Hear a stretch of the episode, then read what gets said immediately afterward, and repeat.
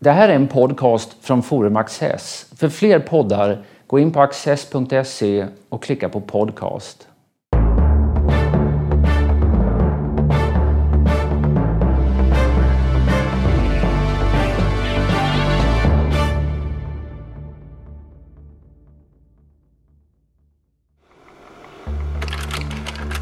Edward Gibbon hör till de stora brittiska icke-akademiska historieskrivarna. En föregångare till 1800-talets Thomas B. Macaulay och 1900-talets Winston S. Churchill. Gibbons ryktbarhet bygger på ett enda verk, förvisso i sex band. Romerska rikets nedgång och fall. Commodus makttillträde år 180 utgör enligt Gibbon förfallsprocessens startpunkt och Konstantinopels fall år 1453 dess slutpunkt. Svante Nordin, professor emeritus i idé och lärdomshistoria, talar med Peter Luttersson. Enligt sina inte alldeles eh, tillförlitliga memoarer så fick Edward Gibbon en idé den 15 oktober 1764. Han befann sig då på Kapitolium i Rom och var på en, sen ett par år på en Grand Tour, en rundresa på kontinenten för att lära sig hur Europa såg ut. Vad var det för idé som slog honom där? Han sitter där, han beskriver det där väldigt i sin självbiografi på ett väldigt eh, måleriskt sätt. Eh, han sitter där bland Roms ruiner och eh, munkarna går förbi med sina eh, rökelsekar och eh, han funderar över Roms eh, eh, svunna storhet och eh, detta händer ju eh, eh under en period eh, mot slutet av 1700-talet när eh, ruin, rom, romantiken, ruinernas romantik eh, eh, eh florerar. Min upplaga av eh, Gibbons eh, Decline and Fall så illustrerar man den med Piranesis eh, suggestiva eh, framställningar av just de här ruinerna. Och då, som han framställer det åtminstone i den här självbiografin, så kommer han på tanken att skriva Roms historia och kanske också idén om titeln att den ska heta Det romerska rikets nedgång och fall. Och eh, detta Decline and Fall har ju blivit eh, vad ska jag säga, världslitteraturens mest citerade titel. Jag vet inte hur många böcker som, som, som, som har travesterat detta med nedgång och fall på, på engelska framför allt. Det är ständigt, varje boksäsong kommer det ut flera böcker med titeln Decline eller Decline and Fall eller Rise and Fall eller no någonting så. Det är en genialisk titel. Samtidigt som eh, det nu, vad ska jag säga, med, med en mer eh, postkolonial och postmodern akademisk agenda så finns det ju de som kritiserar just föreställningen om ett förfall. Utan man menar att det finns inget förfall utan bara förändringar. Men eh, det är ju i alla fall inte Gibbons ståndpunkt. Han, han börjar efter de fem goda kejsarna, alltså från Nerva till Marcus Aurelius. Eh, och, eh, och, beskriver en nedgångsprocess som börjar med att Marcus Aurelius låter sig efterträdas av sin son och inte väljer en förtjänstfull med, medborgare som, som eh, de tidigare i den där sekvensen har gjort. Delvis beroende naturligtvis på att de inte haft några söner att lämna över till. Men, men ehm, Nej, hur, hur, hur, beskriver han själva förfallsprocessen? Vad är tyngdpunkterna ja, det, där? Det är ju som du säger, antoninerna, då, då, då befinner sig romarriket på sin högsta punkt. Och dessa visa, välvilliga, filosofiska eh, härskare, de håller hela världen i fred i en Pax Romana.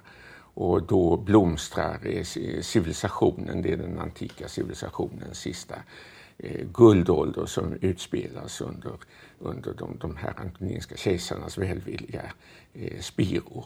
Så han, han, han, han börjar där. Och sen, eh, som, som du säger, eh, Marcus Aurelius Eh, lämnar över då till sin vanartige son Commodus. Det här som alla, alla, alla som har sett eh, filmen Gladiator minns. Det där maktövertagandet när, när den tyranniske och modiske sonen tar över ifrån den vice fadern och naturligtvis styr allting. Och sen går det då sakta eh, neråt, ibland kanske Eh, en konsolidering men det går eh, sakta utför. Sen är det ju faktiskt så att när romarriket faller, när Västrom faller då är man i slutet av volym 4 av eh, Gibbons åtta volymer. Och man har fortfarande tusen år eh, framför sig. För han eh, skildrar man, man skulle kunna tro att Decline Och där han påstår att han har inga källor heller. Nej, för de enda nej, källor som nej, finns det är, det är allt för indoktrinerade präster som har skrivit saker man inte kan lita på.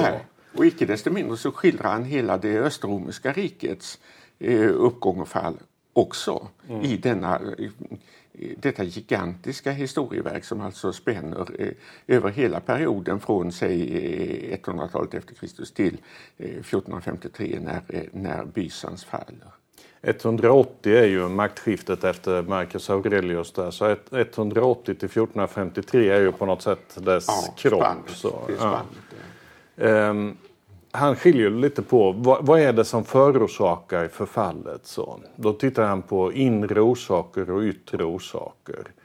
Ehm, eh, om man börjar eh, med, de, med de inre orsakerna så ger han ju till exempel den frambrytande kristendomen en, ehm, en eh, stor betydelse. Han gör så och eh, den, den berömda sammanfattningen är ju att romarriket faller på grund av religion and barbarism, alltså mm. religion och barbari. Och eh, denna sammanställning av kristendom och barbari som orsaker till romarrikets fall var ju ägnat att reta gallfeber naturligtvis på, på präster och andra fromma läsare av eh, eh av Gibbons mästerverk. Och den, den, polemiken emot prästerna, mot religionen, mot fanatismen, mot kristendomen. Det är ju någonting han är ju en voltarian på många, många sätt, en upplysningsfilosof och han återkommer eh, ständigt eh, envist. Men denna kritik är ju då i allmänhet eh, eh, sarkastisk, eh, små underfundiga ironier. Eh, Gibbon är ju berömd för sin, eh, dels för sin majestätiska stil men också för sin, sin elakhet. Och det, det typiska för, för honom, han skriver ju ofta i väldiga eh, perioder av, av prosa där meningarna väller fram i sats efter sats efter sats till man plötsligt i den sista bisatsen så sticker han dolken i sitt eh, offer eh, och, och växlar ifrån objektivitet till elak ironi. Och så gör han ju ofta när det talar om munkar och kloster och påvar och präster. Ja, de, det här partiet om kloster som finns är ju bland eh, det kraftfullaste eh, ironiska i, i verket. Men, men eh, kristendom och barbari, eller religion och barbari, ehm, eh, om så att säga religionen är en inre fiende så är ju barbariet den yttre fienden. Men om man, om man tittar lite på hur han beskriver det där så, så är det ju detta som du säger, det, det fanatiska nit sättet hos kristendomen. Att man var van vid en ordning där det fanns gott om gudar och religioner och den ene trodde på någonting och den andra på någonting annat. Och man var eh, accepterade varandra och var sams och liberala vad gällde detta. Eftersom det redan fanns så många gudar så en mer eller mindre spelade inte så stor roll. Medan eh, de kristna då framträdde med uppfattningen att det fanns bara en gud och de accepterade ingen annan. Eh, men han, han talar också, hur kunde då den tanken bli segerrik? Mm, nej, alltså en, en sida av kristendomen är ju att den, eh, den är utomvärldslig. Eh, alltså i motsats till grekernas och romarnas gamla religion som väldigt starkt var förknippad med livet på, på den här sidan så kastar de kristna blickarna mot livet på andra sidan graven. Och då tänker de inte på statsaffärerna och på att, eh, eh, att hålla vapnen blanka och vässade. Och det är inte staten som är det viktiga för kristen, de kristna utan det är den individuella frälsningen. Och där, eh, det, det, det liksom dränerar hela medborgarandan på ett eh, farligt sätt menar, eh, menar eh, Gibbon. Mm. Han, det, det som man talar om som attraktivt det är ju, det är ju till exempel att eh, den, är, den är lika för alla. Om du är rik eller fattig spelar ingen roll utan det där luftet gäller var och en och därför kunde den, kunde den locka lite bredare folklager. Ja. Eh, den hade också det här att eh, eh den gjorde anspråk på att ha undergörande kraft. Man kunde ja. bota sjuka och uppväcka döda och så. Ja. Men eh, jag tycker han har också en intressant eh, fundering om att den var attraktiv för makten, den var attraktiv för Konstantin därför att man hade en organisationsform. Eh, man hade en organisationslogistik som eh, fungerade över ett stort område och utgjorde därmed en rimlig maktbas. Det fanns så att säga ett, eh, ett väldigt pragmatiskt maktperspektiv i att att, Han är ju inte helt utan insikt om, om att kristendomen också kunde fungera sammanhållande för det här imperiet i ett skede när ju i själva verket den gamla politismen hade förlorat mycket av sin, sin förmåga att, att övertyga. Sen finns det då barbariet och det handlar ju väldigt mycket om eh, eh germanerna, hunnorna, longobarderna, de, de olika eh, vandalerna, alla de här som i slutskedet anfaller eh, romarriket och till slut krossade. Eh, och där är, är naturligtvis eh, frågeställningen, kan samma olycksöde drabba den moderna västerländska civilisationen, alltså i Gibbons mm. fall då den, den 1700-talets västerländska civilisation. Och där har han ju ett väldigt eh, intressant kapitel apropå eh, Attila och hundarna där han försöker argumentera för att samma sak kan inte hända oss moderna europeer. Och han har då några argument för det. Ett viktigt argument är att han säger att eh, visserligen så är de moderna européerna kanske inte så eh, krigiska, så martialiska, så beredda att dö och offra sig för fäderneslandet som den gamla romarna. Å andra sidan så idag så betyder teknik och vetenskap mycket mera för kriget och krigskonsten. Och därför så eh, har de civiliserade skaffat sig ett övertag över barbarerna som romarna inte hade gentemot eh, mm. eh, germanerna eftersom som tekniken, krutet, vet, den vetenskapliga krigföringen spelar en större roll så, så har civilisationen större möjligheter att, att överleva. För hans gamla beskrivning, om man tittar på av eh, fallet, så har han ju den där typen av eh, gibbonska formuleringar. Att eh, är det sveber och vandaler så, som går över ren för att aldrig återvända. Och han säger att den som lägger ner eh, svärdet kommer snart att få lägga ner spiran. Men så har han också scener som på något sätt eh, manar fram eh, faran med den där. Det är ju framförallt eh, Alariks eh, intagande och plundring av Rom och hur romarna reagerar först. Att man tycker att ja, vi som är världens herrar och de här civiliserade och högtstående folket i världen, hur understår sig de här lumpna skogsmänniskorna att komma hit och, och bråka med oss? Ett av de här svaghetstecknen, inre svaghetstecknen han, han pekar på det är att man blir överförfinad, överciviliserad. Eh. Absolut, där följer han ju Tacitus och mm. Eh, andra antika historieskrivare som har eh, drivit just den här tanken att de gamla republikanska dygderna som också var krigiska dygder, mod och tapperhet och de, de förfaller under kejsardömet, under de despotiska kejsarnas regemente och eh, människorna kommer att, eh, åtminstone överklassen kommer att ägna sig åt eh, lyxliv och njutningar och då är de inte längre längre beredda att ta på sig den hårda uppgiften att försvara, ehm, eh, att försvara kejsardömet. Ehm, de moderna européerna är i en lite bättre situation menar han därför att en anledning till det, förutom det här med vetenskapens betydelse, det är att han, han menar, det, det är väldigt intressant, alltså han menar att eh, det moderna Europa där det inte finns ett imperium utan ett antal vitali- eh, småstater England, Frankrike, jag menar relativt mm. i förhållande till romarriket. Att detta är vitaliserande, alltså själva konkurrensen, mångfalden i det moderna Europa eh, vitaliserar européerna och att eh, det bidrar till att den, den moderna europeiska civilisationen är mera Eh, livskraftig egentligen, på, på långsiktigt livskraftig eh, eh, jämfört med den gamla, det gamla eh, romarriket. Romarriket beskriver han ju som eh, medborgartanken är central. Den omsluter många nationer, de civiliserade nationerna. Eh, han pekar ju också flera gånger på det där att Rom får kejsar, en kejsare som haft slavar som föräldrar. Man får kejsare från Nordafrika, från Asien. Man får en arab som kejsare. Så, så att, eh, eh att det är en väldigt in, inkluderande civilisation.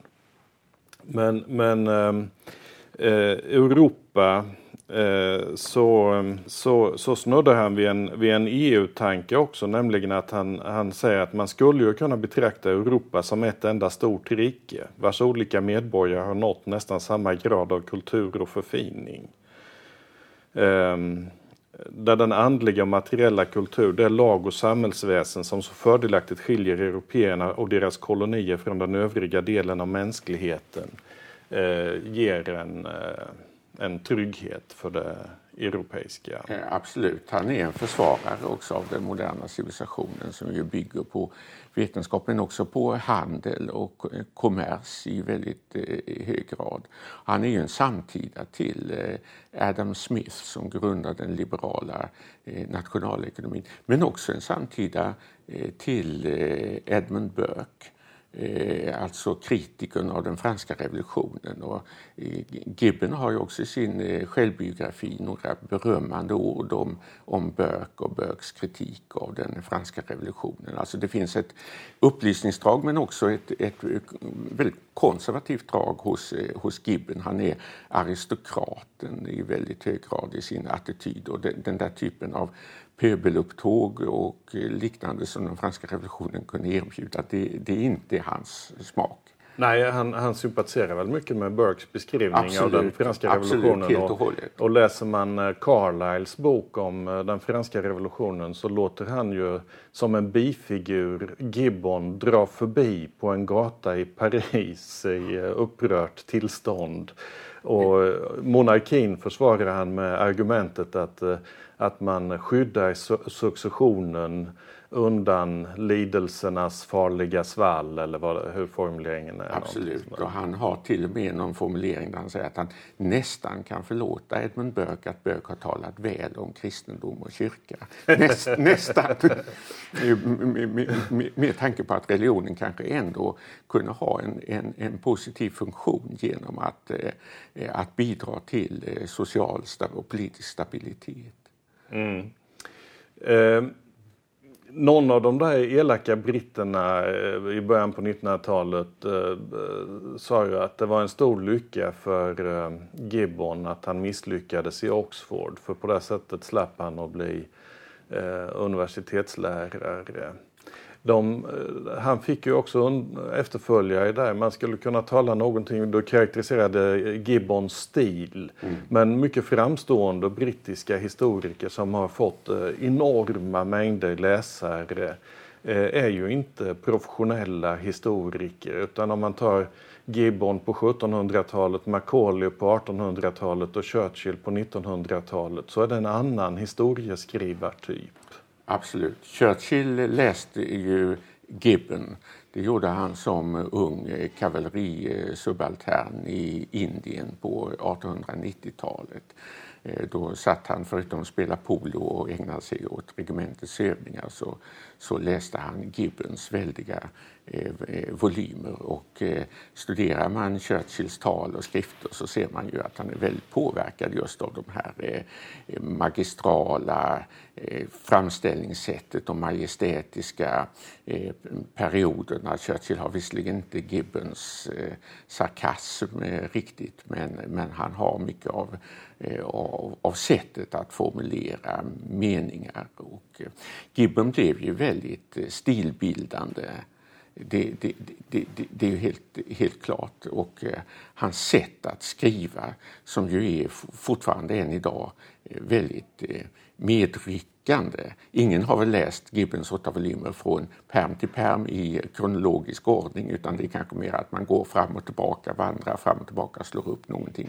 Men, men det är ju en, en, en väldigt oerhört läsbar författare.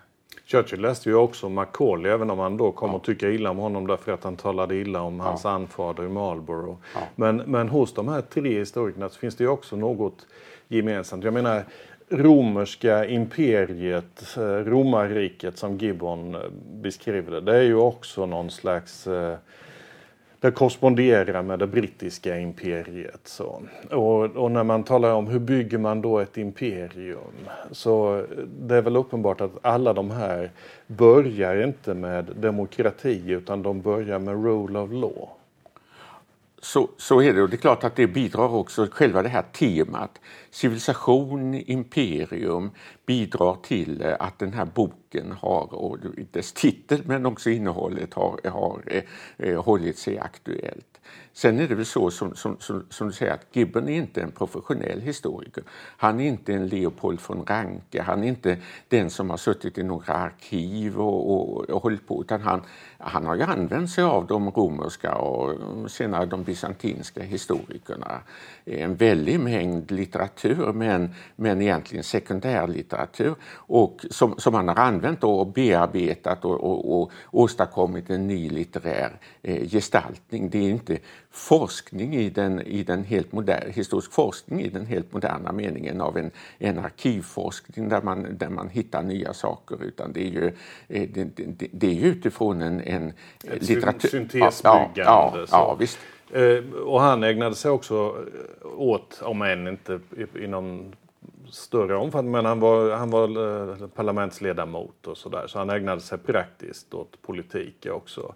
Eh, Macaulay och Churchill gjorde det ju mycket större eh, omfattning. Churchill allra mest förstås, men även Macaulay var ju regeringsledamot och krigsminister. Ja. Och, och, även Gibbon hade ju en viss militär erfarenhet som han var mycket stolt över.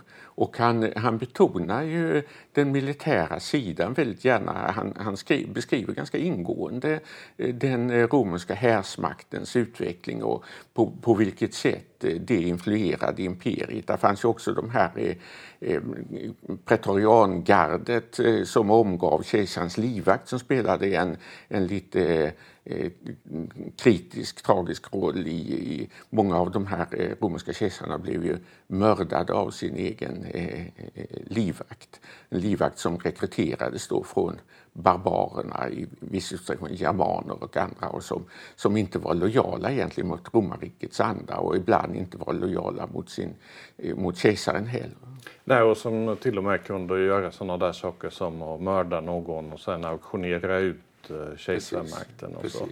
Men, men eh, om man tittar på eh, det här förfallsperspektivet, alltså civilisationstrappor. Så civilisationstrappan som går uppåt, det börjar med rule of law och så ska man eh, efterhand få medbestämmande och, och bättre samhällsformer och så. Ehm, han kommenterar ju sådana där eh, fenomen som att Rom ändå är ett slavsamhälle, att det finns, en, eh, att det finns slavar och när Alarik intar Rom så visar ju sig detta vara en svaghet därför att slavarna ansluter sig till eh, de inträngande styrkorna och så. Men, men när han beskriver förfallet så, så går det ju ofta eh, ut på att han säger sånt som att eh, man börjar se till individ istället för till institution. Mm. Eh, man eh, börjar se till, ehm, till klan istället för medborgare. Mm. man börjar se till en mäktig ledare istället för till exempel en senat. Mm. Finns det saker att lära sig eh, av Gibbon om en nu-situation? Jag vet inte om det gör det. Man kan, kan ju säga först att äh, man ska inte tolka Gibbon som någon sorts eh, demokrat och inte ens som en eh, protodemokrat, inte ens som en föregångare till att hans, hans intresse för de här bre, slavarna, de breda folklag, är ju minimalt. minimalt utan det, det, det, handlar ju om eliten och elitens ut. Man kan inte heller egentligen säga att han är en liberal om man med liberal menar betonandet av individen och så, utan det är ju snarare, okej, okay, liberal i, i betydelsen betonandet av medborgarandan, alltså en, en, en civistisk liberalism av den typen som låt säga de amerikanska grundlagsfäderna ju också i hög grad var eh, anhängare av, där, där det mycket handlade om eh, att fostra en eh, en politisk elit som skulle vara bärare av, in, vara okorrumperade, vara hängivna den gemensamma saken, vara bärare av en, en medborgaranda och vara i stånd att utöva ledarskap. Och det är väl klart att när, det gäller de reflektionerna så finns det saker hos eh, Gibbon som fortfarande... Så eh, hur demokratiskt det samhälle än är eh, så har det ju behov av Eh, ledare. Eh, mm. Och, och, och, och, det är klart att den, den problematiken som har att göra med ledarskap och ledarskapets eh, förfall den, den finns ju i de moderna samhällena Eh, lika väl som i det romerska. Och att det är viktigt att vårda institutioner och sådana där saker. Eh, det här du säger om eliter och så. Eh, det kan man ju säga att han beskriver ju delvis kristendomen på det sättet i sin bok att det är ett folkligt uppror emot en, mot en elit. Och att den ja, både insiktsmässigt och karaktärsmässigt är väldigt underlägsen det den gör uppror Absolut. Han har ju en väldigt intressant beskrivning av kristendomen och kristendomens uppkomst som han inte skriver då utifrån det kristna perspektivet utan väldigt profanhistoriskt. Alltså, han har ju sen en liknande beskrivning av eh, islam och mm. Eh, Muhammed och eh, eh, islams uppkomst. Och det är samma typ av, av beskrivning. Alltså, det är inte så att han, de, de flesta historieskrivare naturligtvis eh, tog ställning eh, för kristendomen mot islam. Men, men Gibbon är ju snarare, han, han chockerar ju snarare genom att behandla alla religioner med samma suveräna och lite föraktfulla objektivitet. Mm.